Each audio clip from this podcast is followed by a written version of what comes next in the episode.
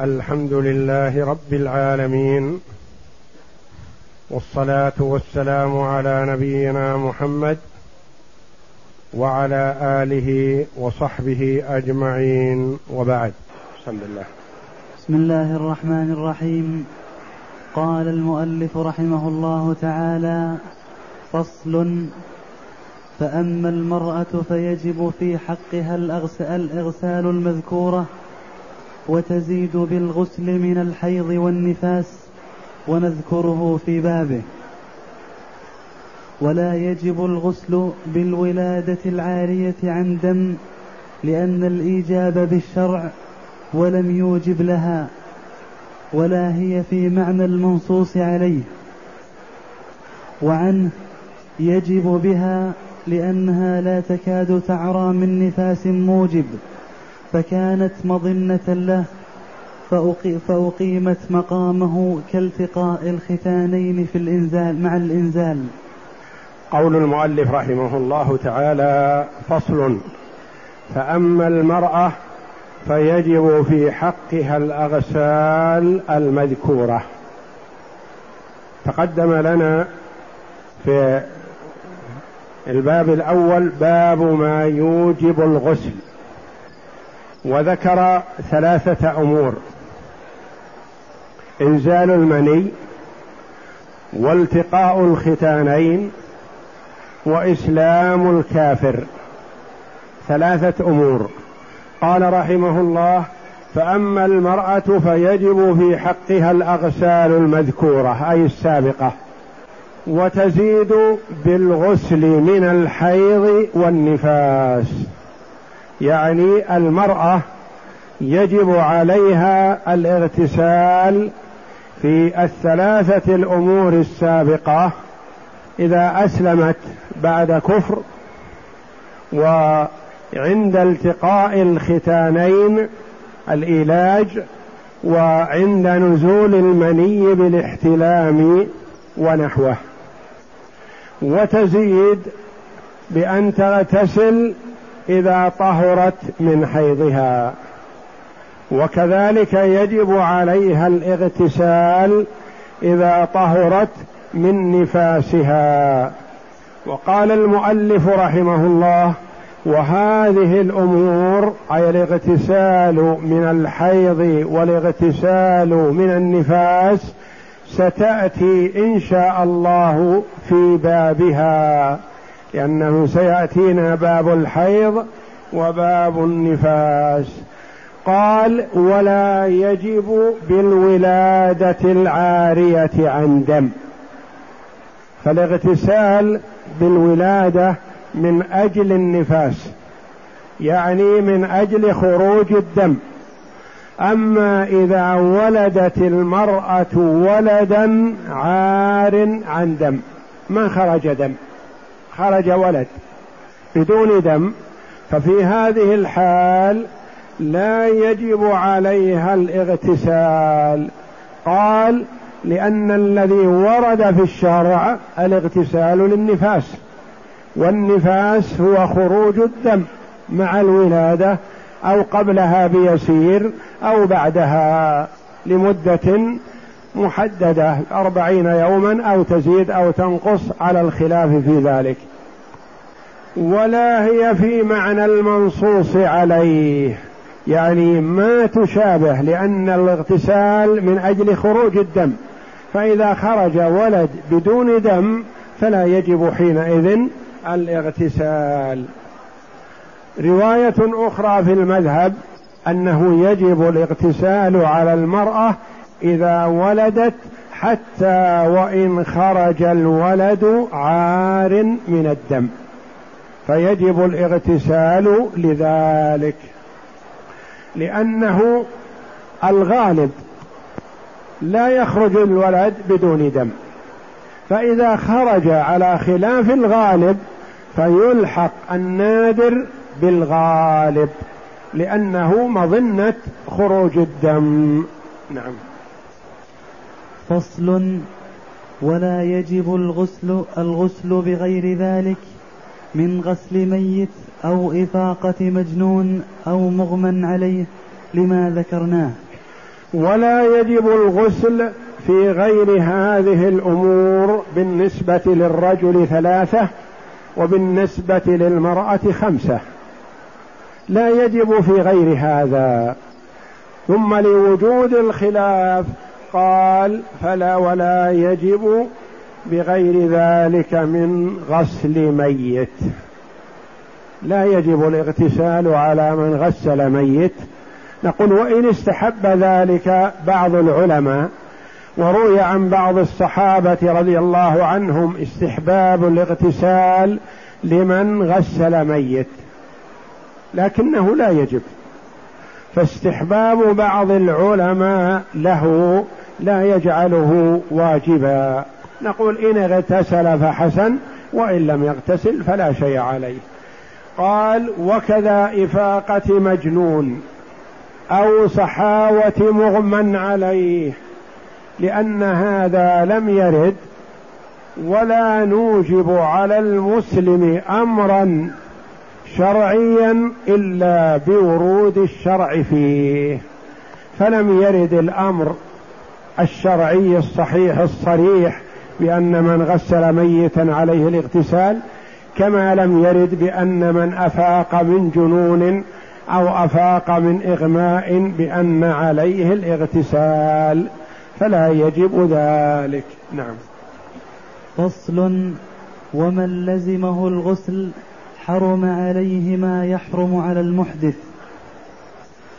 ويحرم عليه قراءة آية فصاعدا لقول علي لقول علي رضي الله عنه كان رسول الله صلى الله عليه وسلم يخرج من الخلاء فيقرئنا القرآن ويأكل معنا اللحم ولم يكن يحجبه أو قال يحجزه عن قراءة القرآن شيئا ليس الجنابة. رواه أبو داود. ومن لزمه الغسل حرم عليه ما يحرم على المحدث. المحدث يحرم عليه أن يصلي.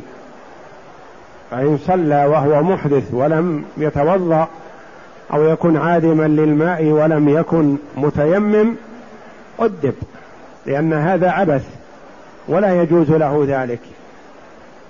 كذلك لا يطوف بالبيت. كذلك لا يمس المصحف فالمحدث لا يعمل هذه الأعمال.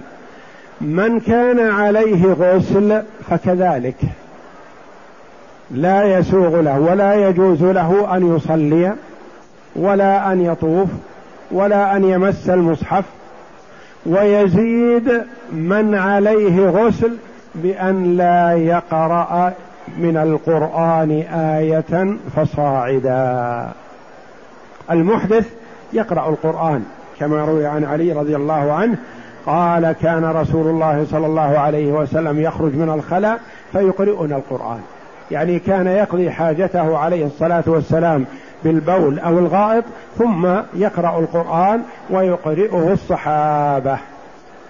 فمن كان محدث له أن يقرأ القرآن لكن ليس له أن يمس المصحف لكن من كان عليه غسل جنابة فلا يقرأ آية من القرآن فصاعدا.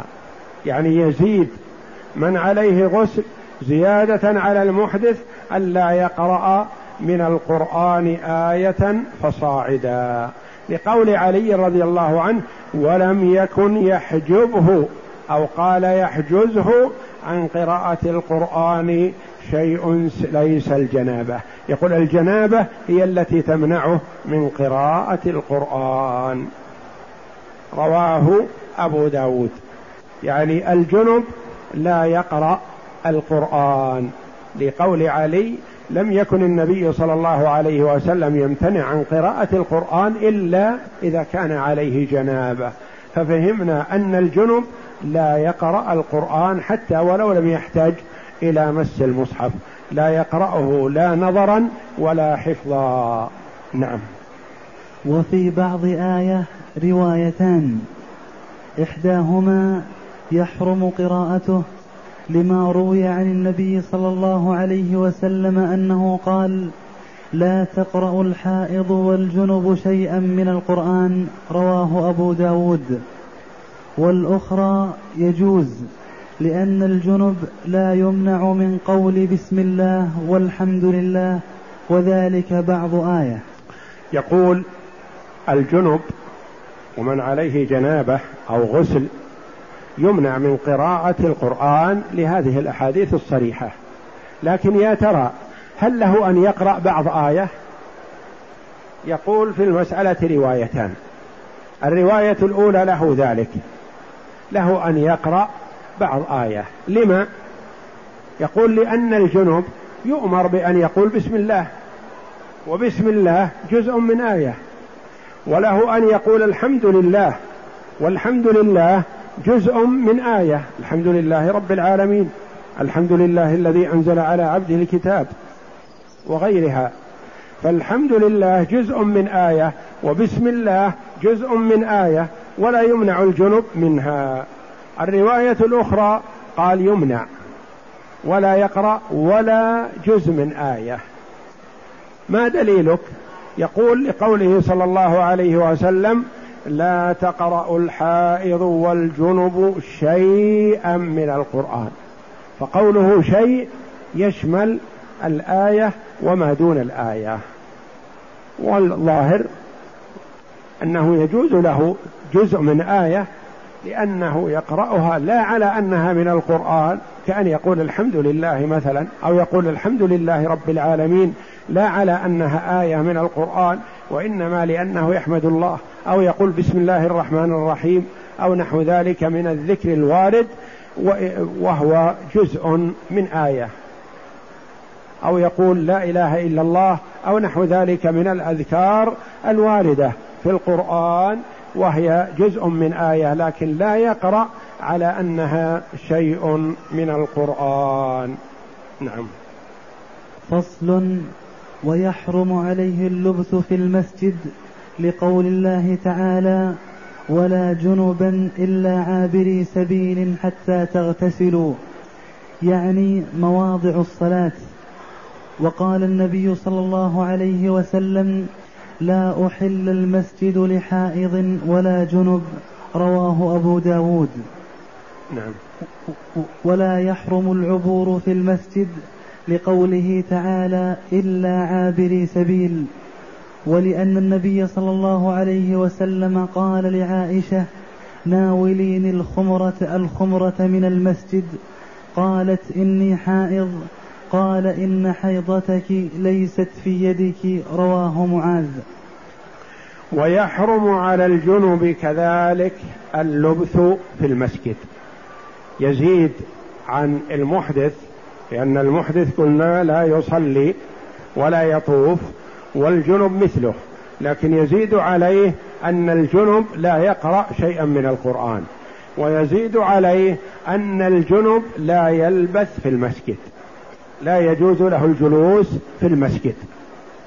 لأن الله جل وعلا قال يا أيها الذين آمنوا لا تقربوا الصلاة وأنتم سكارى حتى تعلموا ما تقولون ولا جنبا إلا عابري سبيل. يعني لا تقربوا مواضع الصلاة التي هي المساجد إلا عابري سبيل. يعني مواضع الصلاة. ولقول النبي صلى الله عليه وسلم لا أحل المسجد لحائض ولا جنوب يعني لا يجوز للحائض أن تجلس في المسجد. كما لا يجوز للمس... للحائض لا يجوز للجنب كذلك رجلا كان أو امرأة أن يجلس في المسجد. لهذا النهي منه صلى الله عليه وسلم. طيب هل يجوز له أن يعبر؟ يمر يدخل المسجد من باب إلى باب؟ أو يدخل ليأخذ حاجة أو ليناول شيء أو ليسلم من يريد شيئا من الأشياء أو ليأخذ منه أو نحو ذلك. نعم له ذلك. لا حرج في هذا. وما الدليل على ذلك؟ أن النبي صلى الله عليه وسلم قال لعائشة رضي الله عنها ناوليني الخبرة وهي الغطاء يتغطى به. وهذه في المسجد. قالت إني حائض. يعني كأنها في نفسها أن الحائض لا تدخل المسجد. فقال لها عليه الصلاة والسلام إن حيضتك ليست في يدك. أنت في يدك تأخذين ما تريدين والحيضة ليست في اليد وإنما الحيضة معلوم محلها. فلا حرج على الحائض أن تدخل المسجد ولا تجلس فيه. تجلس تدخل لتبلغ أو لتأخذ خبر أو لتوصل خبر أو لتقول قولا أو لتبلغ عن شيء ما وتقضي حاجتها بما تريد من بلاغ ونحوه ثم تخرج ولا تجلس فيه. نعم. قال بعض أصحابنا إذا توضأ الجنب حل, حل له اللبث في المسجد. لأن الصحابة رضي الله عنهم كان أحدهم إذا أراد أن يتحدث في المسجد وهو جنب توضأ ثم, ثم دخل فجلس فيه ولأن الوضوء يخفف بعض حدثه فيزول بعض ما بعض مانعه. قال بعض أصحابنا من الحنابلة رحمهم الله إذا توضأ الجنب له اللبث في المسجد. قال لأنه ورد أن الصحابة رضي الله عنهم كان أحدهم إذا أراد أن يدخل المسجد لغرض من الأغراض ويجلس فيه توضأ إذا كان جنب. وهذا قول في المذهب لكن المشهور الأول وهو الأولى لقوله صلى الله عليه وسلم لا أحل المسجد لحائض ولا جنب. والجنب بإمكانه أن يرفع جنابته بأن يغتسل أو يتيمم إذا كان لا يستطيع استعمال الماء أو لم يجد الماء. نعم. فصل ويستحب للجنب إذا أراد أن ينام أن يتوضأ وضوءه للصلاة. لما روى ابن عمر أن عمر قال يا رسول الله أيرقد أحدنا وهو جنب؟ قال نعم إذا توضأ أحدكم فليرقد متفق عليه. نعم. ويستحب له الوضوء إذا أراد أن يأكل أو يعود للجماع ويغسل فرجه. فأما الحائض فلا يستحب لها ذلك لأن الوضوء لا يؤثر في حدثها ولا يصح منها. ويستحب للجنب إذا أراد أن ينام وهو على جنابته إن لم يغتسل إن اغتسل فهو أفضل وأكمل. وإن لم يغتسل فعليه فيستحب له أن يتوضأ ولا يجب عليه. لا يجب عليه الوضوء وإنما يستحب له ذلك. وكذا إذا أراد أن يأكل أو أراد أن يشرب أو أراد أن يعاود الوطء فيستحب له أن يتوضأ ويغسل فرجه ليخفف أثر الجنابة. لأن الجنابة تخف بغسل أعضاء الوضوء. وأما الحائض فلا يستحب لها أن تتوضأ من أجل مثلا الأكل أو الشرب أو النوم لأن الوضوء لا أثر له بالنسبة لحدثها. لا يخفف لأن حدثها لا يرتفع إلا بانقطاع الدم حتى لو اغتسلت ما ارتفع حدثها بخلاف الجنوب فهو إذا اغتسل ارتفع. الحائض لو اغتسلت ما نفع في رفع حدثها فكذلك الوضوء فلا نقول للحائض يستحب لك إذا أردت النوم أن تتوضئي ولا إذا أردت الأكل أو الشرب أن تتوضئي ولا يستحب لها ذلك. نعم. باب الغسل من الجنابة. باب الغسل من الجنابة.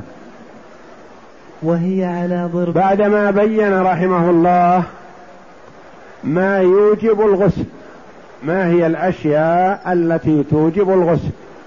بين الأشياء المجمع عليها المتفق عليها التي توجب الغسل وهي نزول المني والإيلاج وبالنسبه والإسلام الكافر وبالنسبة للمرأة بعد الحيض والنفاس. أراد في هذا الباب رحمه الله أن يبين صفة الغسل. صفته ما دام أن الغسل واجب نريد أن نعرف هذا الشيء الواجب من أجل إذا فعلناه أن نأتي به على وفق السنة. نعم. وهي على ضربين كامل ومجزئ. كامل ومجزئ. الاغتسال على ضربين صفته. كامل يعني الصفة الكاملة وهي الأفضل والأكمل. والمجزي. الكامل فيه تفصيل سيأتي والمجزئ كذلك سيأتي. الكامل أن يغسل أولا ما لوثه يغسل يديه أولا ثم يغسل فرجه وما لوثه وما حوله ثم يتوضأ وضوءه للصلاة ثم يروي أصول شعره بالماء ثم يفيض الماء على جسده ثلاث مرات. ثم يغسل قدميه مكانا آخر إن لم يكن غسلهما في المرة الأولى. والمجزي أن يغسل فرجه وما لوثه ثم يغسل جسده مرة واحدة. نعم. فالكامل يأتي فيه بتسعة بتسعة أشياء. النية بتسعة أشياء. انتبه لها. نعم. النية. الأول النية. وهو أن ينوي الغسل للجنابة. لأنه لو نوى التبرد ما صح عن غسله عن الجنابة. مثال ذلك رجل قام ليصلي الظهر والجو حار فاغتسل بنية التبرد ناسيا أن عليه جنابة مثلا. فهل يكفي؟ فلما صلى الظهر مثلا ذكر أو ذكر بأن عليه جنابه. فقال في نفسه الحمد لله أنا اغتسلت لصلاة الظهر وأنا ناس الجنابة لكن اغتسلت تبردا. فهل يكفيني هذا الاغتسال؟ نقول لا لا يكفيك. لأن الأعمال بالنيات وأنت حينما اغتسلت ناويا التبرد. فحصل لك ما أردت. ولم تنوي رفع الجنابة فجنابتك عليك لا تزال. ما الذي يلزمني حينئذ؟ نقول يلزمك أن تغتسل الآن بنية الاغتسال عن الجنابة. وأعد صلاة الظهر التي صليتها بدون اغتسال لرفع الحدث الأكبر. نعم. نعم. أو استباحة ما لا يستباح إلا بالغسل أو استباحة ما لا يستباح إلا بالغسل. مثلا كان عليه جنابة فقام وأراد أن يقرأ القرآن. فقال أغتسل. ما نوى رفع الجنابة مثلا وإنما نوى أن يعمل عملا يستبيح به قراءة القرآن أو أراد أن يصلي ركعتين في الليل أو في الضحى فاغتسل ليصلي ركعتين ونحو ذلك. نقول هذا الاغتسال يكفي هذا الاغتسال صحيح لأنك اغتسلت لتؤدي شيئا لا يصح مع الجنابة. فكأنك رويت رفع الجنابة. نعم. كقراءة القرآن واللبث في المسجد. نعم. ثم يسمي هذا الأمر الثاني. الأول النية. الثاني يسمي يقول بسم الله. نعم. ثم يغسل يديه ثلاثا قبل إدخالهما الإناء. هذه الثالثة. غسل اليدين قبل إدخالهما في الإناء. وهذا الغسل سنة. وهذا الغسل لا يكفي عن غسل اليدين عند الوضوء لأن هذا غسل من سنن الوضوء غسل اليدين مقدما. نعم. ثم يغسل ما به من أذى. ما يغسل ما على جسمه من أذى. ما لوثه من أثر الجماع. نعم. ويغسل فرجه وما يليه. ويغسل فرجه حتى لا يمس الفرج بعد الوضوء لأنه لو توضأ وانتهى ومس الفرج للغسل انتقض وضوءه. وما حوله حتى لا يقرب من مس الفرج. نعم. ثم يتوضأ وضوءه للصلاة. ثم يتوضأ وضوءه للصلاة. يغسل أعضاء الوضوء المضمضة والاستنشاق وغسل الوجه وغسل اليدين إلى المرفقين ومسح جميع الرأس ومنه الأذنان وغسل الرجلين إلى الكعبين. وإن أخر غسل الرجلين إلى ما بعد الانتهاء فلا بأس. ورد عن النبي صلى الله عليه وسلم هذا وهذا. ورد عن النبي أنه غسل رجليه مع أعضاء الوضوء وورد أنه أخر غسل رجليه حتى انتهى من الوضوء والاغتسال عليه الصلاة والسلام. نعم. ثم يحثي على رأسه ثلاث حثيات يروي بهن أصول شعره. ثم يحثي على رأسه ثلاث حثيات بالماء يعني يأخذ ماء ويبلغه في رأسه ويعركه ليصل الماء إلى أصول الشعر إلى البشرة لأنه في الاغتسال يلزم أن يصل الماء إلى البشرة ولا يكفي لو غسل أعلى الشعر والبشرة ناشفة ما وصلها ماء ما يكفيه ذلك. نعم. ويخلله بيديه ثم ويخلله بيديه يعني يدخل أصابع يديه في الشعر لأجل أن يتبلغ تتبلغ بشرة الرأس بالماء. وكل هذا الذي هو الكامل أما المجزي فسيأتينا. نعم. ثم يفيض الماء على سائر بدنه. ثم يغسل سائر بدنه. نعم. ثم يدلك بدنه بيديه وإن توضأ ثم يدلك بدنه بيديه. من المعلوم أن بعض أجزاء البدن ينبو عنها الماء فيحسن أن يدلكه. يخلل الرأس بالأصابع وبقية الجسم يحرك يديه عليه لأجل أن تتبلغ بالماء لأن الجسم إذا كان فيه مادة دهنية نبى عنه الماء حتى يدلكه يحرك يديه عليه ليتبلغ بالماء. نعم. وإن توضأ إلا غسل رجليه. إلا غسل.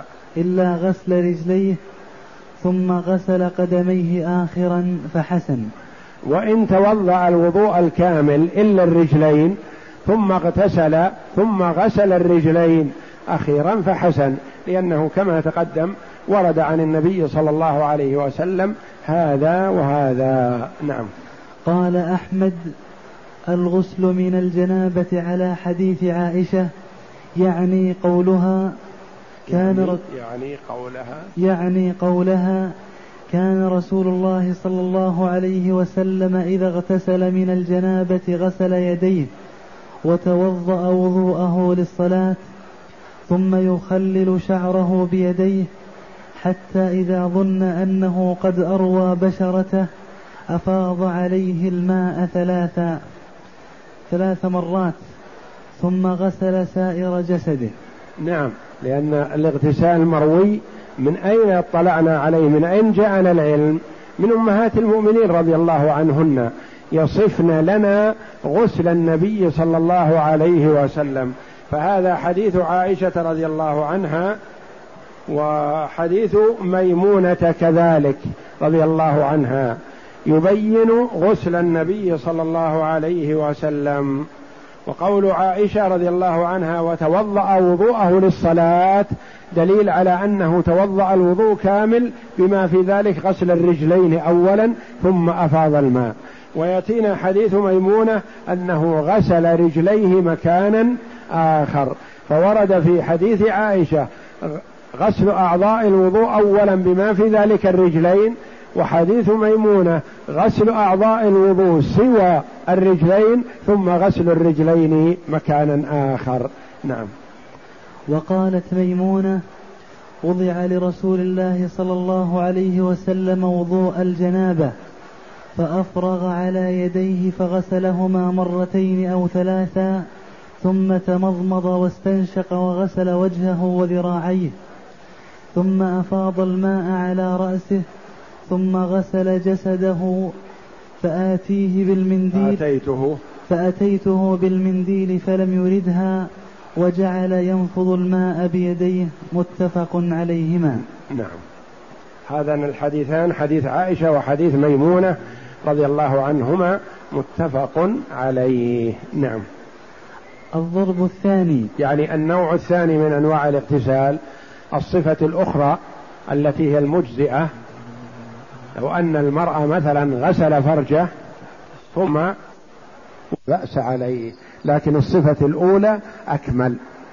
نعم. لأن في الاغتسال لا يجب الوضوء لأن الوضوء يدخل ضمن الاغتسال. فلو أنه مثلا وقف تحت الماء وصب على سائر جسده بعدما غسل فرجه كفاه ذلك. نعم. ولا يلزم في المجزي لا ترتيب ولا موالاه لو غسل رجليه مثلا وأسفل جسمه اولا ثم غسل اعلاه أو غسل وسط جسمه ثم غسل الأسفل ثم الأعلى فلا بأس. ولو غسل جزءا من جسمه مثلا في الليل ثم في الصباح قام وغسل بقية الجسم فلا فيكفي ذلك لأنه لا يشترط في الغسل ترتيب ولا موالاة. نعم. المجزئ وهو أن ينوي ويعم شعره وبدنه بالغسل والتسمية ها هنا كالتسمية في الوضوء فيما ذكرنا. ذكر التسمية في الغسل الكامل. لأنه أتى بأفضل صفة. وهنا قال والتسمية كالتسمية في الوضوء. يعني كما تقدم لنا الخلاف هل تجب أو لا تجب؟ هي كذلك في الاغتسال محل خلاف بين العلماء رحمهم الله. هل تجب التسمية أو لا تجب؟ نعم.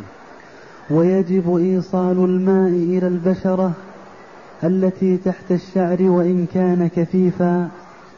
لحديث عائشة. لحديث عائشة المتقدم أنه أروى بشرته يعني كان عليه له شعر عليه الصلاة والسلام على رأسه واللحية فكان يروي بشرته بالماء. فالاغتسال يجب فيه إرواء البشرة لأنها هي التي يلزم غسلها. نعم. ولا يجب نقضه. إن كان مظفورا لما بالنسبة للمرأة والرجل إذا كان له شعر كثيف مثلا ووضع جدائل أو ضفائر مثلا فلا حرج ولا يلزم نقضه. لا يلزم نقضه للجنابة وإنما المرأة تنقضه في الحيض والنفاس. وأما في الجنابة إذا كان ضفائر فلا يلزم نقضه. وإنما توصل الماء إلى أصول الشعر بتخليله بالأصابع ولا يلزم أن ينقض نعم. لما روت أم سلمة قالت قلت يا رسول الله إني امرأة أشد ظفر رأسي افانقضه لغسل الجنابة؟ قال لا إنما يكفيك أن تحثي على رأسك ثلاث حثيات ثم تفيضين عليك الماء فتطهرين. رواه مسلم. أم سلمة رضي الله عنها أم المؤمنين تسأل النبي صلى الله عليه وسلم تقول إني أشد ظفر رأسي. يعني أشد الشعر أجعله ضفائر فهل يلزم أن أنقضه للجنابة؟ فقال النبي صلى الله عليه وسلم لا. يا يلزم في الجنابة وإنما يكفيك أن تحذي على رأسك ثلاث حثيات ثم تفيضين عليك الماء فتطهرين. لا يلزم أن تنقضي الظفائر التي ظفرتيها. نعم. ولا يجب ترتيب الغسل لأن الله تعالى قال وإن كنتم جنبا فطهروا ولم يقدم يقدم بعض البدن على بعض لكن يستحب البداءة بما ذكرنا. والبداءة بغسل بغسل الشق الأيمن لأن النبي صلى الله عليه وسلم كان يحب التيامن في طهوره ولا موالاة فيه لأنه طهارة لا ترتيب فيها فلم يكن فيها موالاة كغسل النجا كغسل النجاسة. ولا يجب في الغسل الترتيب ولا الموالاة كما تقدم لو أنه غسل ما بين السرة إلى الركبة أولا ثم غسل أسفل جسمه الرجلين من الركبتين إلى القدمين ثم غسل رأسه ووجهه وصدره وسائر جسمه فلا حرج. لا يلزم الترتيب بين الأعضاء. وما الدليل على ذلك؟ الدليل واضح من القرآن من قوله جل وعلا وإن كنتم جنبا فطهروا قال في الوضوء بين تغسل الأعضاء يا أيها الذين آمنوا إذا قمتم إلى الصلاة فاغسلوا وجوهكم وأيديكم إلى المرافق وامسحوا برؤوسكم وأرجلكم إلى الكعبين. فرتب جل وعلا وأدخل الممسوح بين المغسولات لمعرفة الترتيب. أما في موضوع الجنابة فقال جل وعلا وإن كنتم جنبا فاطهروا فاغتسلوا. إن كنتم جنبا فاغتسلوا. ولم يذكر جل وعلا ترتيب فلا يجب حينئذ. إلا أنه يستحب التيامن فلا يغسل الجانب الأيسر قبل الجانب الأيمن وإنما يستحب التيامن لأن النبي صلى الله عليه وسلم كان يعجبه التيامن في تنعله وترجله وفي شأنه وفي طهوره وفي طهوره وفي شأنه كله عليه الصلاة والسلام. كذلك لا يجب الموالاة. لو أن الشخص مثلا غسل ما بين السرة والركبة. ثم غسل من الركبة إلى القدمين. ثم ناداه مناد. فلبس ثوبه وخرج. ثم بعد ساعة أو ساعتين جاء وغسل أعلى جسمه من رأسه إلى السرة فلا حرج. لأنه لا يلزم أن يكون الاغتسال كله سواء. وقال حكمه في ذلك كحكم غسل النجاسة. غسل النجاسة. فغسل النجاسة لا يلزم فيه ترتيب لا يلزم فيه موالاة. لو أن مثلا عندك سجادة مثلا فيها نجاسة منتشرة غسلت أعلى النجاسة أعلى السجادة صح. ثم بعد ساعة أو ساعتين أو يوم أو يومين غسلت أسفلها فلا بأس. لأنك غسلت النجاسة عن الأعلى ثم غسلت النجاسة بعد ذلك عن الأسفل ولا يلزم أن يكون في وقت واحد. فكذلك الجنب لو اغتسل بعض جسمه ثم بعد فترة غسل البقية فلا حرج عليه في ذلك. نعم.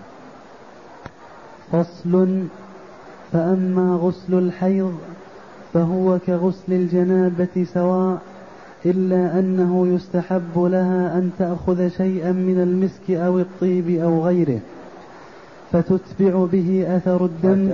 فتتتبع به. فتت فتتتبع به أثر الدم ليزيل فورته. لما روت عائشة رضي الله عنها أن امرأة جاءت إلى رسول الله صلى الله عليه وسلم تسأل تسأله عن عن الغسل من الحيض. فقال خذي فرصة من مسك فتطهري بها. فقالت كيف أتطهر بها؟ فقالت عائشة قلت تتبعي أثر الدم رواه مسلم.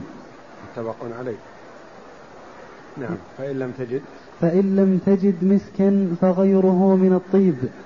فإن لم تجد فالماء كاف وهل عليها نقض شعرها للغسل منه؟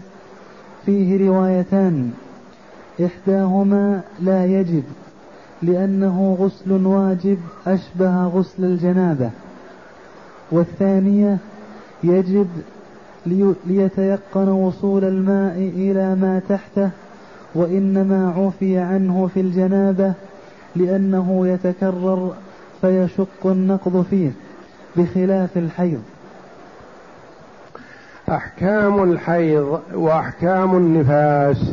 قال رحمه الله ستأتي كما سبق لكن هنا صفة الغسل من الحيض. قال هو كغسل الجنابة سواء بسواء. المرأة تغتسل من نفاسها كما تغتسل من جنابتها إلا أنه يستحب أن تأخذ شيئا من المسك أو الطيب أو الصابون المطيب مثلا فتتتبع به اثر الدم لأنه من المعروف أن دم الحيض أسود ثخين منتن والثخين يعلق على الجسم والمنتن له رائحة كريهة. فتتتبع أثر الدم بهذا المسك أو الطيب لتزيل أثره. والدليل على ذلك أن امرأة جاءت إلى النبي صلى الله عليه وسلم فقالت يا رسول الله تسأله عن الغسل من الحيض. كيف تغتسل من الحيض؟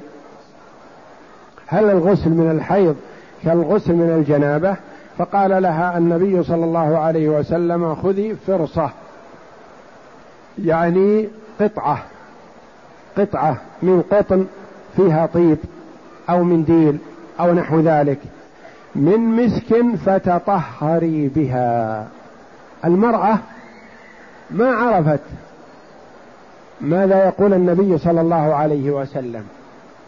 والنبي صلى الله عليه وسلم حيي كريم أشد حياء من البكر في خدرها عليه الصلاة والسلام. فأعادت عليه السؤال كيف تعمل؟ فهو عليه الصلاة والسلام يستحي أن يقول لها تمسحين بها فرجك والمرأة مثلا تحادثه وتخاطبه. لو كان الكلام مثلا أن المرأة يغسل فرجه أو كذا على سبيل الغائب الإنسان يقولها ولا يبالي. لكن تخاطب امرأة يقول خذي كذا واغسلي بها فرجك أو كذا نحو ذلك استحيا عليه الصلاة والسلام من ذلك. قالت فكيف كيف أتطهر بها؟ ماذا أعمل؟ تقول عائشة رضي الله عنها فأخذتها يعني تلتها بيدها رضي الله عنها وقالت وقلت لها تتبعي بها أثر الدم. يعني امسحي بهذه القطنة أو هذه القطعة من المسك امسحي بها أثر الدم. فإن لم تجد مسك أو طيب فلا حرج يكفي الماء. لكن إذا تيسر شيء يزيل أو مزيل من المزيلات النظيفة التي لا تؤثر على الجسم فيحسن ذلك لأجل إزالة أثر ورائحة الحيض. نعم. فصل والأفضل تقديم الوضوء على يقول وهل على الحائض نقض شعرها؟ روايتان. الرواية الأولى لا يجب. قال لأن الحيض مثل الجنابة. فلا يجب. يكفي اغتسلت بدون أن تنقض شعرها.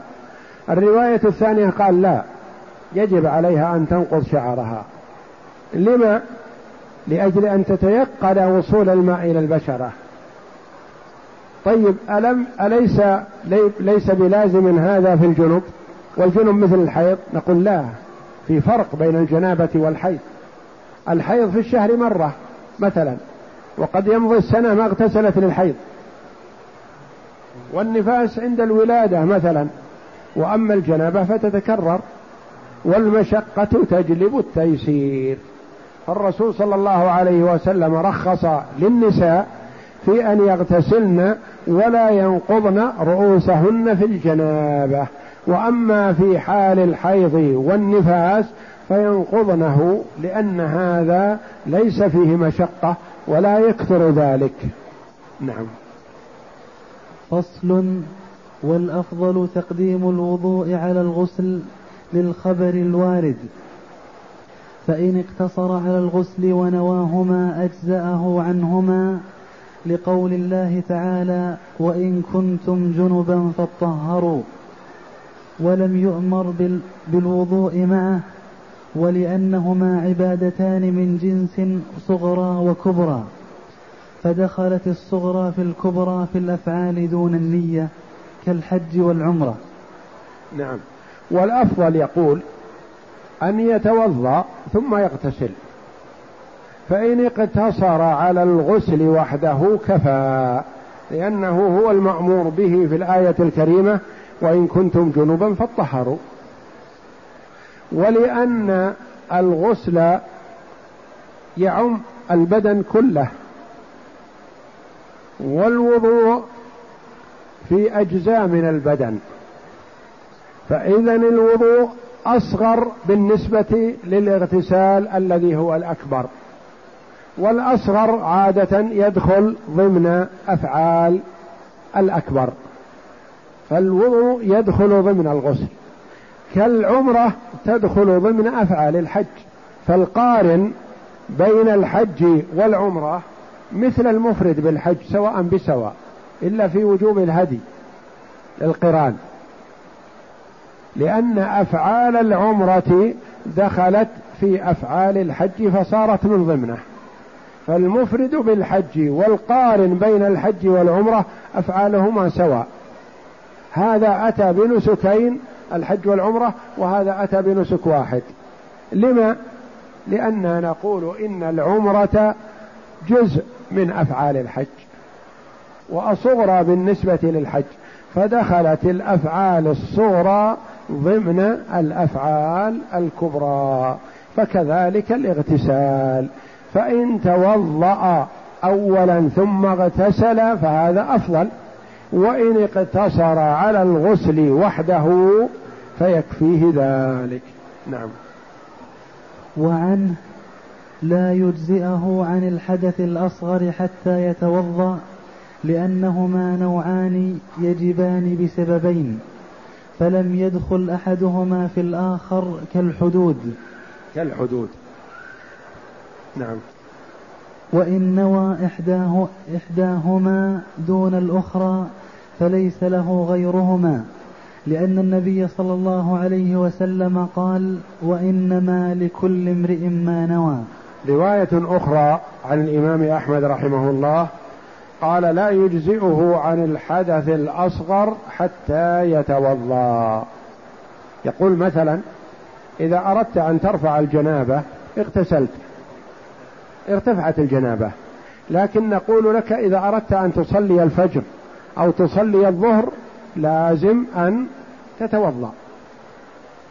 لأنه يجب عليك الوضوء للحدث الأصغر ويجب عليك الاغتسال للحدث الأكبر. وأنت أتيت بما يرفع الحدث الأكبر ولم تأتي بما يرفع الحدث الأصغر. وهما سببان. لكل واحد سبب خاص مثلا. فالجنابة أوجبت الغسل البول أو الغائط أوجب الوضوء فعليك أن تأتي بهذا وهذا. هذه الرواية الأخرى وقاسهما على الحدود. مثلا من كان عليه حد القذف مثلا يجلد ثمانين جلدة. إذا كان بكر وزنى يجلد مئة جلدة. هل يدخل حد القذف ضمن حد الزنا؟ لا ما يدخل. إذا كان عليه قذف حد قذف يجلد ثمانين جلدة وعليه بعد ذلك حد زنا يجلد مئة جلدة إذا كان بكرا. فيقول كما أن الحدود لا تتداخل كذلك الأحداث لا تتداخل. لكن هذا القول مرجوح والراجح هو الأول والله أعلم. نعم. فصل. لكن إذا بالنية مثلا إذا نوى باغتساله رفع الحدث الأكبر والأصغر ارتفعا وإذا نوى رفع الحدث الأكبر ارتفع الحدث الأكبر فقط وبقي عليه الحدث الأصغر لأن كل امرئ لكل امرئ ما نوى. فمثلا لو جاء ليس عليه يظن أنه ليس عليه إلا جنابة فقط. فاغتسل ليرفع الجنابة فقط ولم يخطر على باله رفع الحدث الأصغر. ثم بعد ذلك تذكر أن عليه حدثا أصغر ولم ينوه لم ينوي رفعه. هل يرتفع؟ لا. لأن النبي صلى الله عليه وسلم قال إنما الأعمال بالنيات وإنما لكل امرئ ما نوى. ونقول لهذا الرجل أنت نويت رفع الحدث الأكبر ولم يخطر على بالك الحدث الأصغر وأنت عليك حدث أصغر لم يرتفع. بخلاف ما إذا نوى استباحة الصلاة أو نوى الصلاة أو نوى قراءة القرآن من المصحف فيرتفع الحدث الأكبر والأصغر. نعم. فصل ويجوز للرجل والمرأة أن يغتسلا ويتوضأ من إناء واحد لأن النبي صلى الله عليه وسلم كان يغتسل هو وزوجته, وزوجته من إناء واحد يغرفان منه جميعا متفق عليه. وقال ابن عمر كان الرجال والنساء يتوضؤون في زمن رسول الله صلى الله عليه وسلم من إناء واحد رواه أبو داود. يعني ويجوز للرجل والمرأة أن يغتسلا من إناء واحد. خلافا لما يقول لمن يقول إن المرأة إذا مست الماء فلا يصلح أن يغتسل به الرجل. لا. بل إذا كان معا جميعا فالنبي صلى الله عليه وسلم كان يغتسل هو وعائشة رضي الله عنها من إناء واحد. يقول يقول دع لي وأقول دع لي. يعني هي تقول له دع لي وهو يقول دعي لي. يعني يتخاطفان الماء من حسن خلقه صلى الله عليه وسلم وممازحته لأم المؤمنين رضي الله عنها. يغترفان الماء ويتسابقان عليه. فكان يغتسلان من إناء واحد. ولا حرج أن يتوضأ الرجال والنساء مثلا من إناء واحد. يعني إذا كان محارم مثلا الرجل أو الرجال وأخواتهم مثلا أو أمهاتهم يجتمعون من إناء واحد يغترفون منه يتوضؤون. وكذلك الرجل وزوجته يغتسلان من إناء واحد لأن الاغتسال لا يصلح إلا زوجته أو أمته.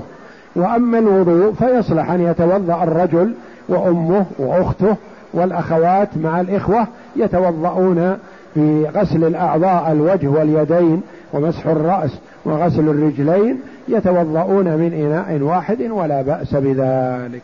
نعم.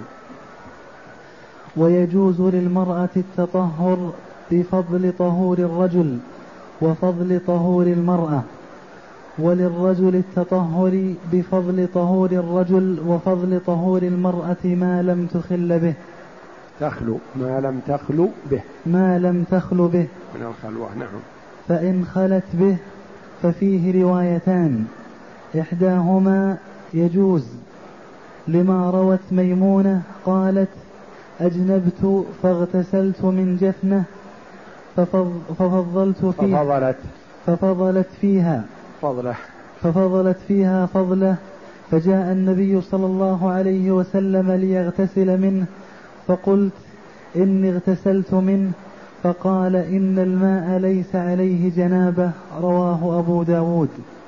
ولأنه ولأنه ماء لم ينجس ولم يزل, ولم يزل عن إطلاقه فأشبه فضلة الرجل.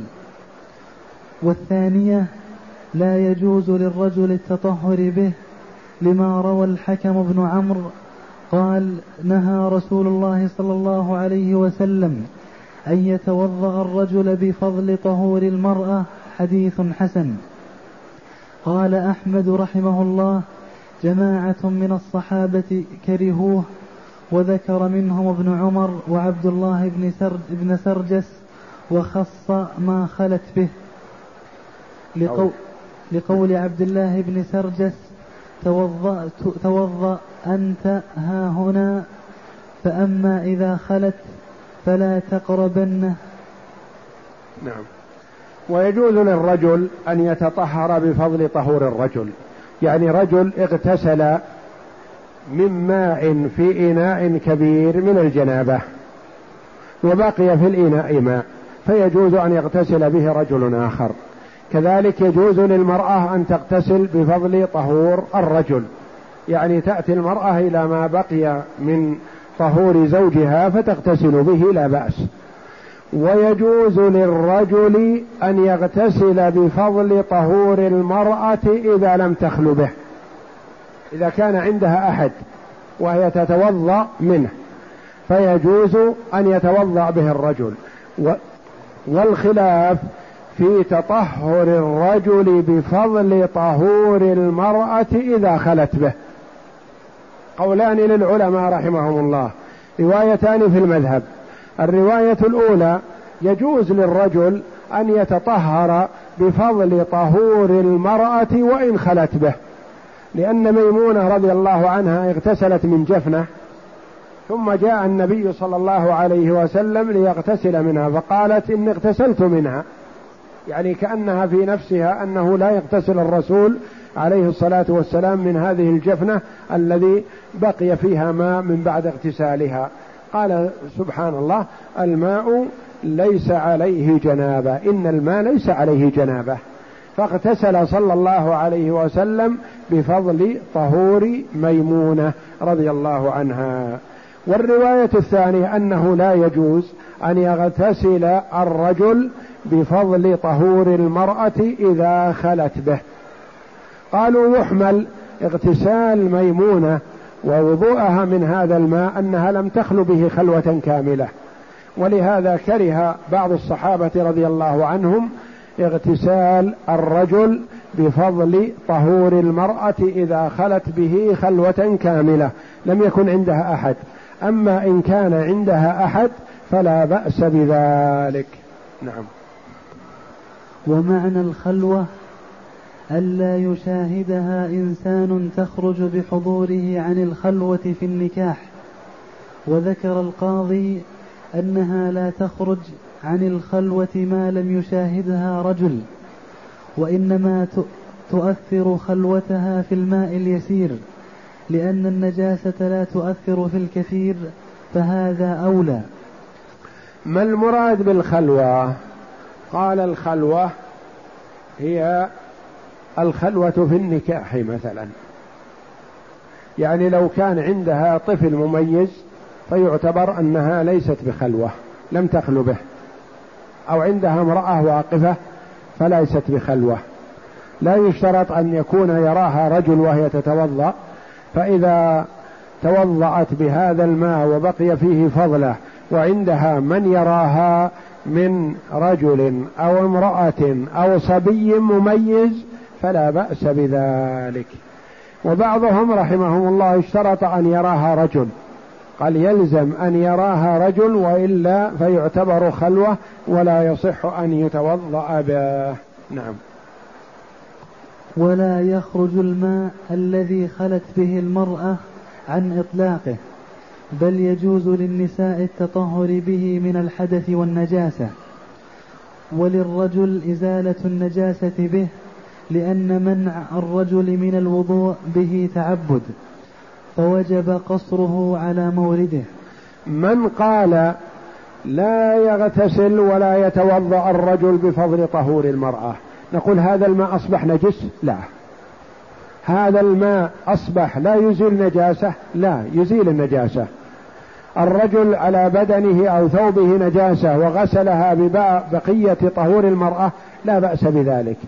لأن المراد أنه لا يتوضأ به فقط. تعبد. لأنه ورد النهي عن تطهر الرجل بفضل طهور المرأة. نعم. وذكر. وذكر القاضي. وذكر القاضي أنه لا يزيل النجاسة لأن ما لا يرفع الحدث لا يزيل النجس كالخل. وهذا لا يمكن القول بموجبه فإن, فإن هذا يرفع حدث المرأة بخلاف الخل. نعم. يعني هذا القول رحمه الله من القاضي يقول إنه لا يرفع لا يغسل لا يغسل به النجاسة. الماء الذي خلت به المرأة قلنا لا يتطهر به الرجل فكذلك لا يغسل به النجاسة. لأنه يقول إنه بمثابة الخل نقول لا يرحمك الله لا ويرحمك الله ليس مثل النجاسه ليس مثل الخل لأن الخل لا يرفع حدث الرجل ولا يرفع حدث المرأة أما الماء الذي خلت به المرأة فيرفع حدث المرأة فإذا رفع حدث المرأة صح أن يزال به النجاسة. والله أعلم وصلى الله وسلم وبارك على عبد ورسول نبينا محمد وعلى آله وصحبه أجمعين.